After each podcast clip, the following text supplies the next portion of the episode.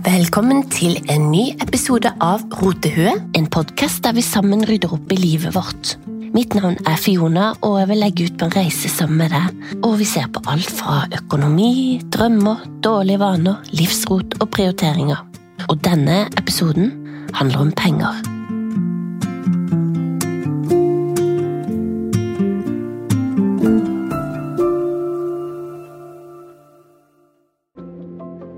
Uke igjen til lønn, og du er blakk. Frem med kredittkortet, og så er det bare å holde ut til neste lønning. Høres det kjent ut? Ikke så rart, for det er ganske vanlig. Og jeg har sjøl levd litt sånn fra hånd til munn. Selv om inntekten har faktisk blitt bedre med åra, så har ikke nødvendigvis økonomien det. En million nordmenn har kredittkort, selv om vi nødvendigvis ikke trenger det. Så hvorfor har vi ofte flere i lommeboka? Selv så har jeg ett jeg bruker, og så har jeg vel ett eller to som bare ligger der. Jeg bruker kredittkort nesten hver måned når lønna er tom, men det er også det første jeg betaler når lønna kommer inn. Og det gjør at jeg alltid er litt bakpå, men jeg er også litt flink, hvis man kan kalle det, til å ikke bli ramma av kredittkortrentene. Det er ikke tvil om at måten vi tenker på, påvirker livet vårt den ene eller andre veien. Tanker er vår beste venn eller vår verste fiende, og det gjelder å skjønne at vi kan kontrollere dem, iallfall store deler av tida. Å få kunnskap om tanker er et godt første steg. Og som Sokrastes mente, at de som vet hva som er rett, de handler ofte også rett. Og det å handle rett, det fører til lykke. Derfor bør man søke mest mulig kunnskap, slik at det er lettere å ta riktig valg. Så la oss se på hva slags tanker som kan stoppe oss, og hvordan vi kan endre tankesettet for å hjelpe oss sjøl. Har du noen gang tenkt at du ikke har råd til å spare? At det er for dem med høyere lønn eller de som har mindre utgifter? Det er iallfall en vanlig tanke for meg. Jeg har aldri anledning til å spare. Likevel så har jeg de siste åra klart å sette av noen penger til en slags buffer når jeg har fått f.eks. skattepenger, stipend eller andre midler som ikke er lønn. Og jeg har også utallige tomme sånn sparekontoer som jeg har oppretta, og som jeg har et automatisk trekk på. Men de er alltid tomme, for eh, på slutten av måneden så overfører jeg de tilbake til vanlig brukskonto. Men så lærte jeg noe. Jeg tenker feil. Hvorfor skal jeg prioritere å gi mine penger til andre, andre hver måned? Og Det er klart at man skal betale faste utgifter, f.eks. lån og telefon og strøm og sånn, men så gir jeg resten av pengene mine til en haug med mennesker som jeg ikke kjenner. Store firmaer, eller restauranter, kiosker, Wish, for å nevne noen. Så hvorfor betaler jeg meg ikke selv først? Så la oss si at du har betalt de faste utgiftene og sitter igjen med 7000 kroner. Ta 1000 av de og betal til ditt fremtidige jeg. Klarer du å sette 1000 kroner først i begynnelsen av måneden, så har du 12 000 kroner til ditt fremtidige jeg, som du f.eks. kan spare i et indeksfond. Du har også en trygghet i at om noe skal skje, så har du midler til å fikse f.eks. en ødelagt vaskemaskin eller en reparasjon på bilen. Og jeg ser nå at å leve fra lønning til landing er mye min egen feil, ettersom jeg deler ut pengene mine til firma som får meg til å kjøpe ting jeg ikke trenger. Vi bruker penger vi ikke har, på ting vi ikke trenger, og gir dem til folk vi ikke kjenner. Da har jeg gjort litt om på en frase jeg akkurat har lært meg. Jeg fortjener å ha de 1000 kronene selv. Penger som kan vokse og gi meg trygghet, eller jobbe for et større mål som jeg har. Som akkurat nå er ta lappen i en alder av 45 år. Jo mer jeg lest meg opp på personlig økonomi, jo mer ser jeg at mine dårlige vaner og usunne forhold til ting er det som ødelegger for meg. Så her tenkte jeg at jeg skulle dele ti måter du kan få ned utgiftene på. Kanskje da føler du at du kan sette av noe til ditt framtidige jeg. Nummer én. Den er kjip å høre, men vi må få oversikt. Og det er litt som slanking, at hvis du inntar flere kalorier enn det du forbrenner, så legger du på deg. Så hvis du bruker mer enn du tjener, så går du i minus. Altså du får gjeld. Ganske enkelt, men likevel litt vanskelig. Så hva må vi gjøre da? Jo, vi må sette oss ned og vi må se på alle utgiftene, f.eks. siste tre månedene. Logg deg inn i nettbanken, sorter opp utgiftene i matpost, transport, klær, uteliv, interiør og faste utgifter som lån, telefon, strøm, forsikring, internett, TV, kommunalt. Kanskje har du hytte, og da må du gjøre det samme der.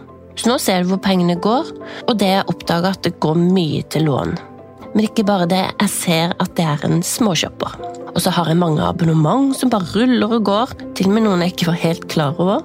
Og så bruker jeg veldig mye på mat. Og det som er så fint med å begynne å rydde, det er at man ser alle de ubrukelige tingene man har kjøpt, som rett og slett er plassert inn i et skap og råtner.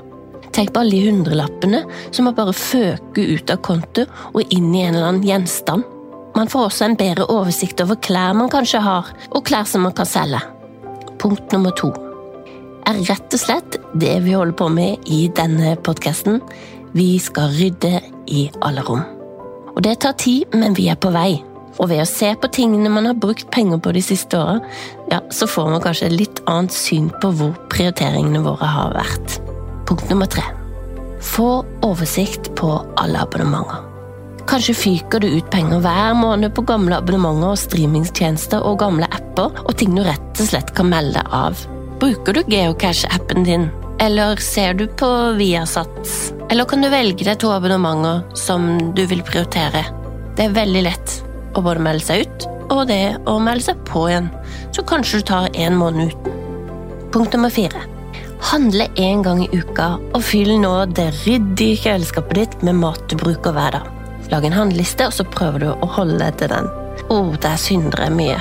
Jeg er lett påvirkelig og får lett impulser når jeg går i butikken. Men det kan være lurt å ha et matbudsjett, og kanskje adskilt på en egen konto, så du vet nøyaktig hvor mye som er satt av til mat. Punkt nummer fem. Ikke klikk deg inn på all reklame som dukker opp på Facebook og Instagram og i innboksen din osv. Jo mer fristelser, jo vanskeligere er det. Og de som lager annonser nå, de har skreddersydd dem for deg, og de vet nøyaktig hva du liker, og hva du klikker på og de kan finne ut hva slags type nyhetsbrev og sånn du åpner fra mailen din, hvor du leser, og de har så mye kunnskap om deg nå at eh, det er bare å melde seg av disse nyhetsbrevene, så slipper du de fristelsene. Og om ikke du har det, så fins det et lite klistremerke du kan sette på postkassa. Nei takk til reklame. Punkt nummer seks. Har du rota deg inn på ei side som f.eks. Zalando eller Wish? Legg det du vil ha i handlekurva, men vent en uke med å kjøpe det. Faktisk så kan det gi deg like mye tilfredsstillelse som å faktisk kjøpe produktene. Noen får veldig mye glede og føler at de shopper når de bare ser etter produktene, legger det i handlekurva, må ikke nødvendigvis ta det hele veien til kassa. Punkt nummer syv. Unngå livsstilinflasjon. Det vil si at jo mer du tjener, jo mer bruker du. Og vi har en tendens til å oppgradere livsstilen vår om vi øker inntekten. Så eksempel bo bedre, eller bruke mer tid på uteliv, klær eller interiør. Kanskje du har merka at selv om du har en bedre jobb nå og bedre inntekt, så har du like lite igjen i måneden som du hadde når du hadde en ganske liten inntekt. Punkt nummer åtte. Bestem deg for hva du kan spare hver måned. Alt er bedre enn ingenting. Og sett av pengene med en gang du får lønn. Selv så bruker jeg et indeksfond, og da er pengene mer utilgjengelige for meg, og jeg faller ikke for fristelsen til å låne av meg sjøl hele tida. Det gjør jeg jo når jeg har satt av 500 kroner i måneden på en sparekonto. Den er alltid tom. Jeg har lånt det av meg sjøl. Eller jeg har ikke lånt det, jeg har fått det og brukt det. 9. Sjekk telefon- og internettabonnement. Kanskje lønner det seg for deg å bytte. Og punkt nummer 10 sammen med renta. Sjekk renta fra banken din. Du må faktisk ta kontakt med banken for å få renta lavere. Du må ringe dem, og forhandle om renta er noe du kan gjøre iallfall to ganger i året. Og får du den ned, så er det jo mange tusen spart. Og er de ikke villig til det, så kan du alltid sjekke ut en ny bank. Og her kommer jaggu et bonuspunkt. Før du kjøper noe, tenk om den gjenstanden kommer til å berike livet ditt. Har du noe allerede som gjør samme jobben? Skriv den på en liste med andre ting du ønsker deg i prioritert rekkefølge, sammen med pris. Det vil få denne nye tingen du ønsker deg, i et perspektiv, og du ser om de pengene du har, skal legges i den eller noe annet. Opplever du faktisk at du ikke bruker så mye på unødvendige ting, så kan det være rett og slett at du bor litt over det du har råd til. Kanskje en rimeligere boligpost hadde gjort at livet ditt ble litt lettere? Eller kanskje det hadde vært lurt å se om du kunne fått en lønnsforhøyelse eller bedre jobb? En sideinntekt er jo heller ikke dumt, og det finnes mange muligheter å tjene penger på en lidenskap. Eksempel lage kurs online, ta småjobber på finn.no, selge ting du lager, eller ta en helgejobb. Kanskje du er veldig god på noe, kanskje du har en passion, så kan du begynne i det små og tjene penger på det. Jeg føler sjøl at jeg er blitt mye mer bevisst på hvor jeg legger igjen pengene nå. Jeg trenger ikke 20 We Are Fit Tights som jeg kjøpte i 2020, eller nok en telysholder eller pledd. Jeg behøver ikke enda en sort genser eller blomstrete kjole som jeg ikke bruker, og heller ikke tre nye neglelakker i samlingen min på Psycho 60. Alt jeg kjøper har jo en pris, og nå som jeg har starta med opprydningen og declutter overalt, så ser jeg hvor mye jeg har brukt på ubetydelige ting som absolutt har ingen verdi for meg eller andre etter jeg har kjøpt det. Så i neste episode så skal vi se litt nærmere på vårt forhold til ting, og hvorfor vi tviholder på ting vi ikke trenger. Husk at de pengene du tjener, bør gå til ting du syns er viktig i livet.